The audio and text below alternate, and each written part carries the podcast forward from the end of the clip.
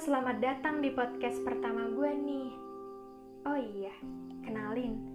Nama gue Monica Martarani. Sebenarnya gue udah lama mau buat podcast, tapi baru kesampaian sekarang.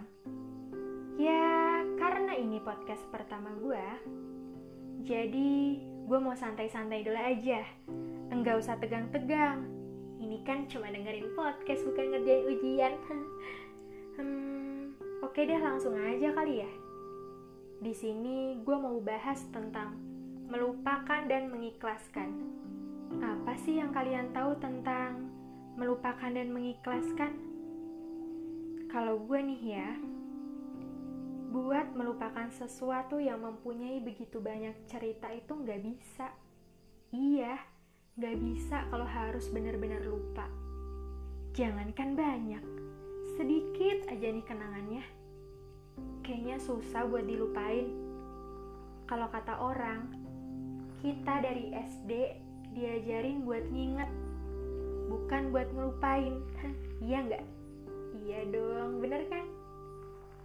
Hmm, karena kalau lo semakin coba ngelupain, malah semakin lo inget. Soalnya di dalam proses melupakan, lo harus nginget tentangnya dulu Emang ya, kehilangan adalah sesuatu yang gak kita harapin, tapi kenyataannya harus kita hadapin. Nantinya kita akan banyak bertemu dengan kehilangan yang menyakitkan. Itu pasti, cuman kita nggak tahu aja kapannya. Jadi yang benar itu melupakan atau mengikhlaskan? Ya, kalau menurut gue, mengikhlaskan. Iya, ikhlas. Apa sih ikhlas? Emang tahu kalau kita udah ikhlas atau belum? Kata orang, ikhlas itu susah. Ya emang benar sih. Mengikhlaskan adalah hal tersulit saat hati belum siap kalau harus dihadapin sama yang namanya kehilangan. Saat ekspektasi terlalu tinggi, padahal apa pun bisa terjadi di luar kendali. Saat hati gak bisa nerima, kalau nggak semuanya yang lu mau bisa lu dapetin. Banyak orang yang menyembah egonya sendiri, bergelut dengan pikiran dan hatinya sendiri. Hmm, egois ya, berpikir bahwa yang sekarang milik gue akan tetap jadi milik gue, besok, lusa, dan seterusnya.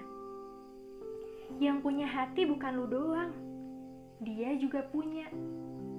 Dan bukan tugas kita mengendalikan hati seseorang.